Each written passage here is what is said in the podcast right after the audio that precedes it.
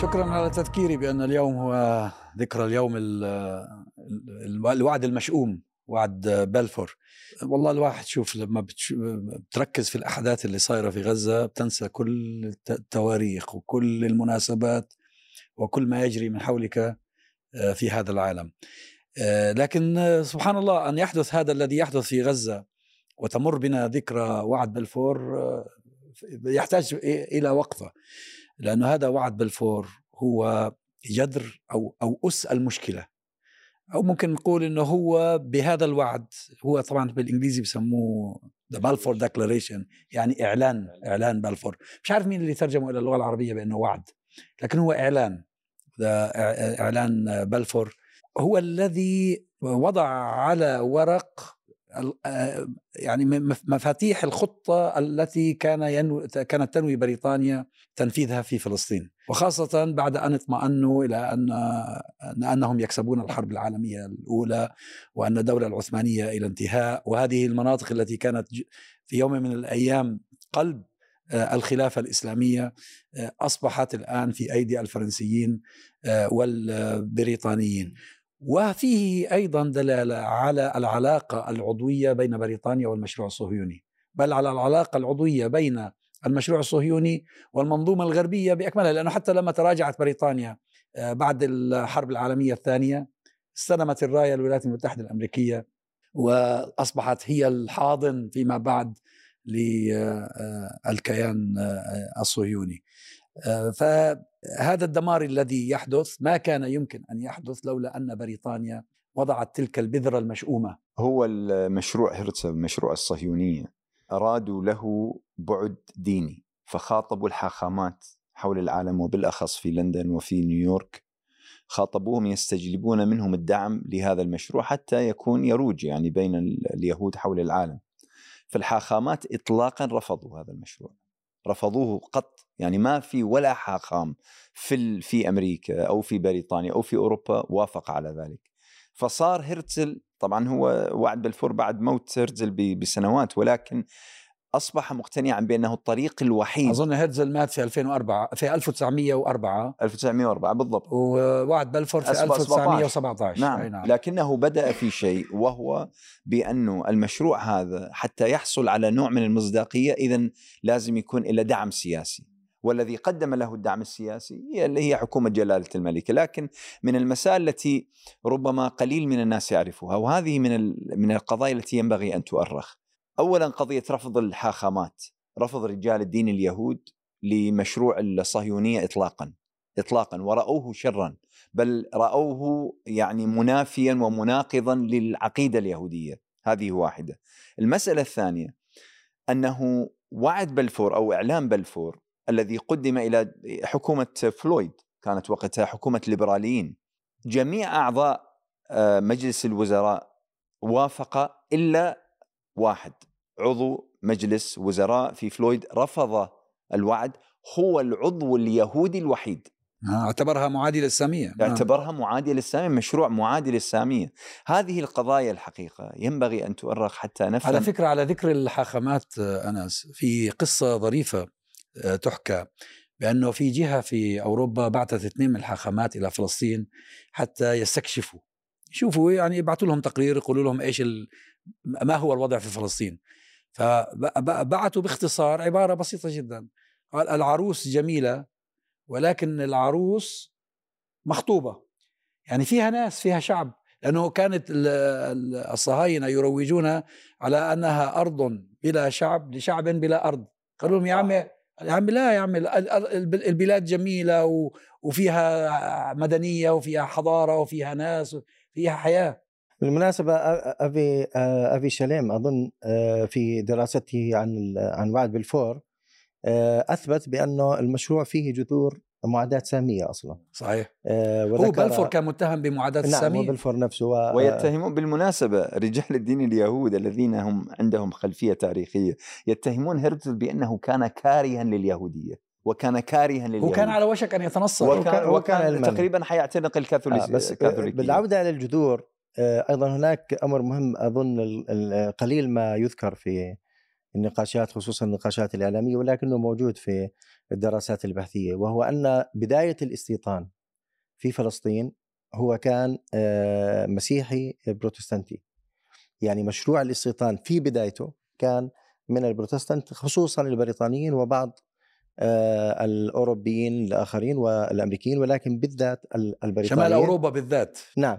لكن النواة الأولى كانت بريطانيين وأقاموا آه، يعني مشاريع استيطانيه هناك ومزارع. وكانوا أيضا يعني في في كتاب مهم عن فلسطين في العصر الفيكتوري الفيكتوريا يقول بأنهم كانوا هؤلاء المستوطنين البيض البروتستانت يتهمون اليهود الموجودين في فلسطين بأنهم كسالى ولا يريدون العمل ونحن نريد أن كانوا يقولون نحن نريد أن نعلمهم كيف يعملوا فجابوهم وشغلوهم في هذه المستوطنات.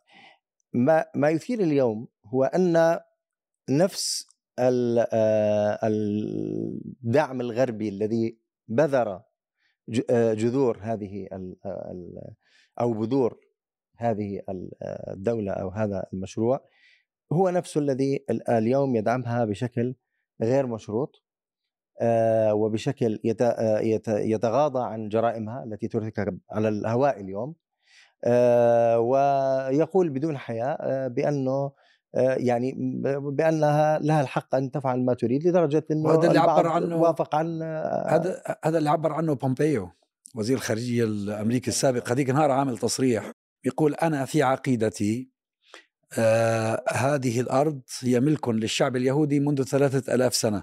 وطبعا اللي ذكرته أنت على إنه بداية الاستيطان كانت بأيدي مسيحيين أوروبيين. هو هذا ما يغفل عنه كثير من الناس أن جذور هذا المشروع هي جذور مسيحية أكثر منها يهودية. لأنه لأنه الصهيونية المسيحية سابقة على الصهيونية اليهودية وهي التي كانت تدفع بكل قوة لإرسال من أجل إرسال اليهود إلى أرض الميعاد ضد رغبتهم تمهيدا لمجيء المخلص أو المسيح المنتظر. إلى حدود ال 67 تقريبا معظم التيارات الدينية كانت على غرار نطور كارتا حركة نطور كارتا أي ترى في إسرائيل والحركة الصهيونية شيء مضاد لليهودية بذاتها.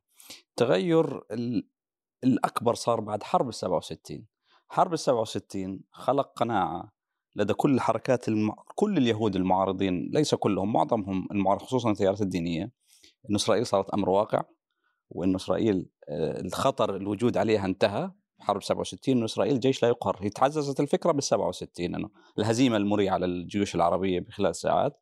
فلذلك معظم الحركة الدينية لحد ال 67 كانت محتفظة بنفس فكرة آه، ناطوري كارتا. وهناك آه، اسم حاخام لا يذكرني اسمه هو أول الصوت الوحيد الذي حاول أن يعمل طريق في النصف بين الرفض التام لوجود دولة إسرائيل كممثل شعبي لليهود أو ممثل شرعي لليهود وبين التيار الديني الصهيونية الدينية الرافضة، لذلك الطابع الصهيونية لحد 67 هو الطابع علماني بحت. وفكرة فكرة الصهيونية وطرد السكان الأصليين. يعني مش فكرة دينية بقدر ما هي فكرة استعمارية. يعني يعني أستراليا كندا آه، أمريكا أمريكا معظم أمريكا الجنوبيه بنت على فكرة الاحتلال والإحلال. يعني احتلال الأرض جنوب أفريقيا كانت وإحلال السكان بدلاء بدل السكان لا حتى الجزائر لما الفرنسيين استعمروا الجزائر جاءوا بنفس الأيديولوجيا نفس الفكرة. نفس الفكرة. نفس الفكرة. وحاولوا أن يعملوا استيطان وأن يغيروا ثقافة أهل الجزائر وأن يضعوهم في منعزلات أو محتشدات كأنهم غير زي ما عملوا البيض الأوروبيين في الهنود الحمر في الأمريكية وكانوا يقولون الجزائر مثل باريس. يعني وبالمناسبة في دعايات قديمة في يعني تقريبا العشرينات والثلاثينات من القرن الماضي كانت تنشر بالفرنسية وتعمم على الطبقة ال middle class الطبقة الوسطى والأرستقراطية البرجوازية الفرنسية كان يعني يظهرون لهم المرافق المصايف في الجزائر وكيف أن الجزائر فيها فرنسيين وفيها آه، يعني اللغة الفرنسية هي اللغة الرئيسية والثقافة الفرنسية وإدخال المدارس بالنسبة للأولاد. كانوا يروجون على أنه الجزائر هي مصيف للفرنسيين. عفوا فكرة الاستيطان أيضا كانت مضادة للدين. يعني الاتحاد السوفيتي أحد أسباب اللي, اللي اعترف بإسرائيل ب 48 رأى أنه إسرائيل كانت في ذلك الوقت خصوصا فكرة الكيبوتس هي فكرة اشتراكية شيوعية قائمة على الملكية المشتركة لذلك هو الاتحاد السوفيتي راى في إسرائيل بلحظة من اللحظات إنه امتداد له حتى الدول الإسكندنافية اللي كانت ديمقراطية اشتراكية كانت ترى في إسرائيل دولة ديمقراطية اشتراكية.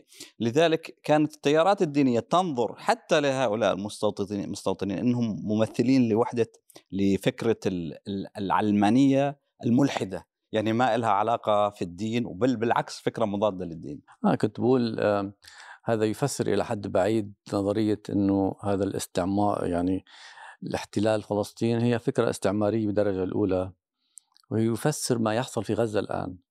يعني فكرة احتلال وأحلال شعب آخر بمجرد وجود بقايا من هذا الشعب يذكر القوات المحتلة بفشل مشروعها. فما يجري في غزة الآن هو يفسر هذا تماما هذه النظرية.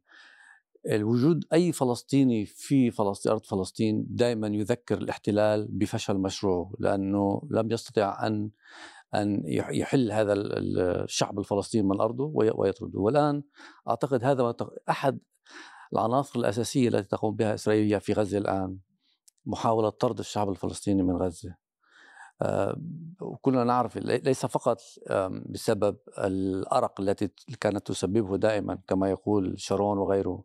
كنت أريد أن أصحى يوما ولا أرى غزة على هذا رابين رابين هذا رابين نعم. لكن لكن في العمق أعتقد وجود فلسطيني رابين هذا أخيرهم هذا.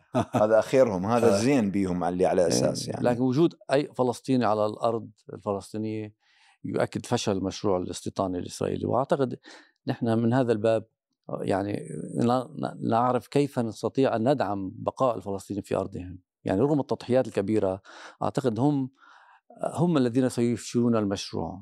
الأبرياء الذين يعني يقعون اليوم كل يوم المجازر التي ترتكب بحقهم هم سيفشلون هذا المشروع. الصهيوني لأن مجرد بقائهم في أرضهم هو أعتقد أقوى مقاومة لهذا المشروع الاستيطاني. ودائما نقول إحنا نقول يعني أي أي فئة تجي تأتي وتحتل هذه الأرض هي احتلال استعمار بغض النظر عن هويته الدينية وال والإثنية وإلى آخره يعني المقاومة العدو لأنه مستوطن. هذه كانت مقولة أحد العلماء في لبنان.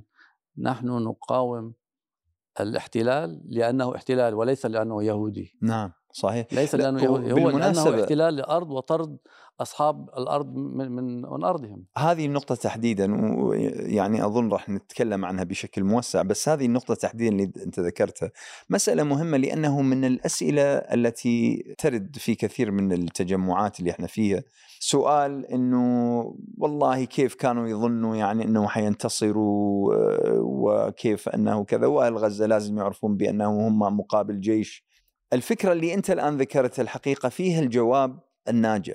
مقاومة الاحتلال هو في الوجود إنك تكون موجود. ما مطلوب من عندك أنت أنت مو جيش. حتى تقول والله أنا عايز أكسب ميدانيا وعايز مش عارف إيش وكذا. هذا مشروع التحرير هذا مشروع عام شامل فيه مناحي شتى. لكن أهم حاجة في مشروع التحرير مشروع المقاومة هي في قضيتنا أنا أيوة موجود. بس هو انس هو طبيعي لو أنت شفت كل مشاريع الاستعمار وخاصة الاستعمار الإحلالي في خلال القرنين اللي مضوا لا مفر من أن يقاوم أهل البلاد. صح وجودهم هو مقاومة في حد ذاته لكن طبيعة البشر بفطرتهم يقاومون هذا الذي لا يأتي. لا الفكرة وين أبو ناجي اللي دارد أقولها؟ الآن البعض بدأ يتكلم طيب يا أخي أهل غزة دخل يروحون السيناء وخلي منك يعني يبدأون هم في في المقاومة بشكل يعني يكون عندهم نوع من الحرية ما مقصوفين ما مش عارف إيش كذا. ليش ما يروحون ليش ما يروحون للأنبار مثلا بالعراق ويرتاحون ياخذوا لهم نفس وبعدين يبدأون في عملية مقاومة؟ هذا اللي دا أقوله قضية الوجود. ولذلك لما الرابين قال أنا أتمنى أنه في يوم من الأيام أقعد وما أشوف ولا فلسطيني هي هاي الفكرة هي هاي الفكرة. فكرة أنه الوجود الفلسطيني والثبات وتمسك أهل غزة حتى بركام البيت الذي تفجر الآن وعدم مغادرتهم هذا بذاته هو الحقيقة لب الصمود والمقاومة. صحيح بس هو الموضوع الحقيقة أكبر من مجرد الوجود. يعني هو المشروع الصهيوني في الأساس يستهدف الأمة قاطبة. الفلسطينيون هم الهدف المباشر وهم رأس الحربة في المقاومة. لكن الحقيقة أن هذا المشروع هو موجه ضد الأمة.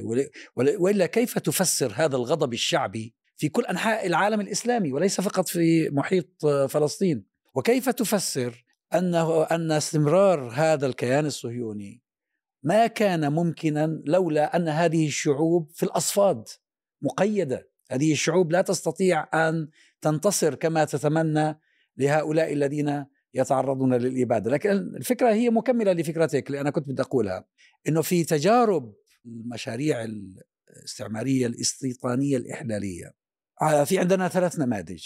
نموذج ال- الأول هو نموذج أمريكا وكندا وأستراليا ونيوزيلندا. قضوا على أهل السكان ال- الأصليين ومن تبقى منهم حطوهم في محتشدات ودوبوهم وانتهى.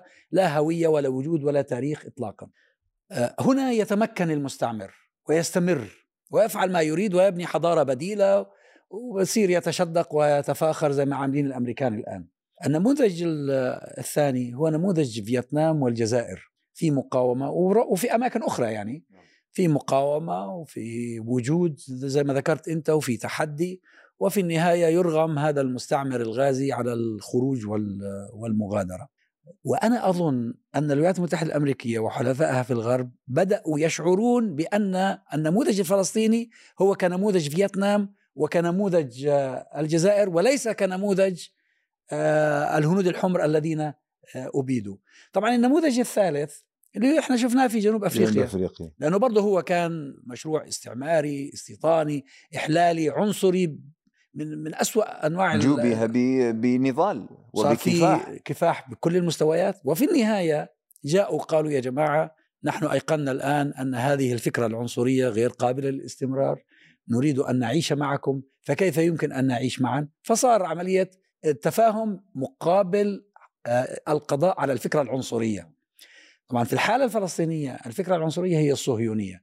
لا يمكن يحصل سلام واستقرار طالما ظلت الفكرة الصهيونية موجودة.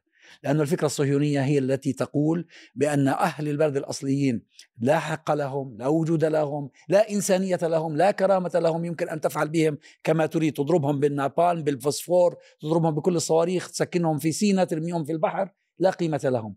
هذه الفكرة في اليوم اللي بتنتهي فيه يمكن أن نصل إلى حل سلمي ويتعايش الجميع معا ما فيش مشكلة إطلاقا وهذا بعي- بعيدنا كمان لفكرة أنه هي بالأساس المشكلة ليست بيننا وبين اليهود هي بيننا وبين الذين غزونا هي بيننا بين ال- الشعب الفلسطيني ومن آه، خلفه أو بجانبه الشعوب العربية والمشروع العربي المأمول اللي هو للأسف الآن غير موجود. آه، المشكلة الآن هو إنه ال- الدول العربية لا تدرك بأن المشروع الصهيوني هو مشروع ضدها. آه، بل هي على العكس آه، وأنا أقول هذا بكل أسف ربما تكون متواطئة. بل هي متواطئة. والصمت بل هي بحد متواطئة. ذاته تواطؤ. ولا إيش اللي بيمنع النظام المصري يفتح. معبر رفح عدم إدخال المساعدات تواطؤ. لا، بالأمس آه، بعض المؤيدين النظام في مصر يقولون إنه إحنا إيش ما عملنا الناس مش راضيين. إذا فتحنا المعبر حيقولوا بدنا نهجر وإذا ما فتحناهوش بيقولوا بنخلق المساعدة. إلى آخره من هاي الجدليات التي لا معنى لها. ما حدا يطالب بخروج بفتح المعبر لإخراج المليونين فلسطيني الموجودين في غزة. يعني هذا أصلا مشروع هو ما تريده آه، دولة الاحتلال وحتى بعض الدول الغربية.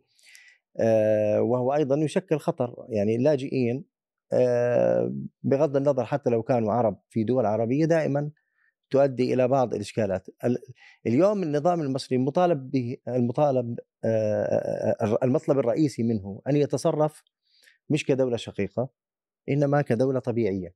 دولة طبيعية فيها بينها وبين كيان آخر معبر يفتحوا هذا المعبر لدخول ال- المساعدات. يعني هذا فقط ال- والمرضى الم... الجرحى المرضى. يعني ما حدا لأنه بيرجع بيطلع دعاية النظام. تقول لك إحنا ب- بدهم إيانا نحارب. لا ما حدش قال لك حارب. خليك جالس في في مصانع المعكرونة ومصانع الطناجر ما يعني ما ما حدا زعلان منك. بس على الأقل تصرف كدولة طبيعية وافتح المعبر للمساعدات. هاي المش... هذا هذا لماذا لا يحصل؟ لأنه الدول الأنظمة العربية لا لم تستوعب أو لا تريد أن تستوعب بأنها مستهدفة من هذا ال- المشروع. وإحنا إذا وح- وح- حينما نتحدث ذلك لا نتكلم شعارات قومية ولا دينية ولا ولا غيرها من الشعارات. إذا استعرضنا إحنا من 48 إلى اليوم كثير من المشاكل في المنطقة لها علاقة بدولة الاحتلال. التهجير اللي هو سب... لا التهجير الآن سبب مشكلة في لبنان في مصر آه، في سوريا في الأردن وين وين ما كان في مشكلة بسبب حالة اللجوء. بغض النظر محقة آه، محقين من يعتقدون بأنها مشكلة ولا لا ولكن في مشكلة موجودة. سببها هو الاحتلال. عدم سقوط الأنظمة الدكتاتورية بسبب الاحتلال. الدعم الأكبر لهذه الدكتاتوريات هو الاحتلال. الخلافات بين الدول العربية يتم استغلالها من قبل الاحتلال وتقف مع جانب ضد الآخر كما يحصل مثلا بين الجزائر والمغرب الأقليات في العالم العربي يتم استغلالها من قبل الاحتلال مثل الأكراد اللي هم قد قد يمثلوا بذور لانشقاق لانفصال هذه الدول وتقسيمها بالتالي يعني يمكن ان نعدد كثير من الأسباب ولكن الاحتلال الإسرائيلي هو مش بس شعار شعاراتيا هو ضد المشروع العربي وإنما هو موجود وهناك أدلة على على هذا هذا الأمر. الآن إحنا في وضع إنه الشعب الفلسطيني لوحده يدفع ثمن هذا المشروع وهو مستعد لذلك. التجربة التاريخية تقول لنا بأنه قام المرة والاثنتين والثلاثة منذ منذ عام 1921 إلى اليوم وهو يقوم ليدافع عن وجوده ضد هذا المشروع العنصري. الآن للأسف أنه وأنا أريد أن أتجاوز وأقول أيضا أنه حتى الردود الشعبية للأسف هي غير كافية. يعني الردود الشعبية جيدة كويس أنها طلعت ولكن يا أخي قارنوها بالدول الغربية. يعني يعني وهي برضه الردود الشعبية هي بقدر ما يسمح ما يسمح به النظام. وللأسف طبعا الموضوع لم لم يعد فقط آه، تواطؤ. بعض الأنظمة العربية مشاركة في التحريض. يعني لما بيطلعوا بعض الأصوات المحسوبة على النظام السعودي زي عبد العزيز الخميس وغيرهم وبيتكلموا بكل وقاحة في الإعلام الصهيوني. وبيقولوا هذه فرصتكم لتقضوا على حماس وتريحونا منها. هذا تحريض. وهذا ما كان ممكن عبد العزيز الخميس يقول هذا الكلام لولا أن هذا هو الموقف الرسمي للنظام في السعودية. ما هي المسألة يا دكتور؟ إنه الآن كل الشعوب العربية تنظر إلى ما يجري في غزة وبتشجع من بعيد. بمعنى بشكل ما غير مكتو... غير مصرح به إنه وكأن الجهة الوحيدة أو الطرف الوحيد الذي يجب أن يدفع ثمنا لمواجهة هذا المشروع الذي يهدد جميع الدول العربية وجميع الشعوب العربية هم الناس اللي في غزة. وهذا كمان ينطبق على فكرة على على آه، الضفة وفلسطيني الداخل. يعني بمعنى لماذا فقط من يدفع الثمن هم آه، المواطنين في قطاع غزة؟ هذه معادلة مختلة بكل أسف. ونحن نتحدث هنا عن التظاهر السلمي عن آه، التظاهر الشعبي الضغط السياسي الضغط على لطرد السفير من مصر مثلا. آه، اليوم طلع خبر آه، لم أتأكد من صحته إنه في آه، طلب طلبوا من السفير الإسرائيلي في البحرين يغادر. هذا جيد كويس. بس الأردن الأردن امبارح استدعى السفير استدعى السفير وقالوا لهم لا ترسلوا سفيركم. جيد. لكن أنا أعتقد بأنه بس الضفة فراس الضفة الضفة فيها حراك حقيقة. يعني الضفة وفيها قمع. فيها قمع شديد فيها عدد كبير من الشهداء لحد الآن لكن أنا معك في إنه المحيط العربي والإسلامي لحد الآن فكرة أن هذا المشروع الصهيوني موجه ضد الأمة لم يستوعبها كثير من الناس. ربما بيحصل شوي شوي خاصة إذا تذكر الناس التواطؤ الصهيوني والعربي لخنق ثورات الشعوب العربية قبل 10 11 سنة. وأسوأ أسوأ ما كشفته هذه التطورات الأخيرة النظرة إلى الفلسطينيين نظرة دونية يعني التعامل معهم وكأنهم بضاعة يمكن التصرف بها آه، يعني الضغط خصوصا الإسرائيلي المدعوم أمريكيا بطرد الفلسطينيين من غزة إلى إلى سيناء. هو هو يشي بالنظرة الدونية أنه هؤلاء ليسوا بشر يحق لهم أن يقرروا مصيرهم آه، وكأنهم آه، قطع أثاث يمكن أن نقلهم من مكان إلى آخر ل يعني لإراحة إسرائيل ليس أكثر. فهذه النظرة الدونية للشعب الفلسطيني للأسف منتشرة ورئيس ورئيس عفوا رئيس أكبر دولة عربية. نعم يقول ذلك نعم. لا بيقترح عليهم. يعني هو ب... خذونا النقب بيقول لهم وديهم للنقب قبل ما تاخذوا نعم. على المق... يعني الواحد لم يت... لم يتوقع أن يعيش ليشهد مثل هذا العار. وهذا أيضا تشترك فيه النخب حتى النخب الغربية للأسف الكثير من النخب الغربية وحتى الرئيس الأمريكي حينما يسأل عن عدد الضحايا يقول ليس متاكدا وحتى حين تسمع الإعلاميين الإعلاميين يلي هم نخبة في الغرب ينظرون نفس النظرة الدونية إلى الشعب الفلسطيني وكأنه ليس شعبا يحق له أن يقرر مصيره ويعيش بكرامة.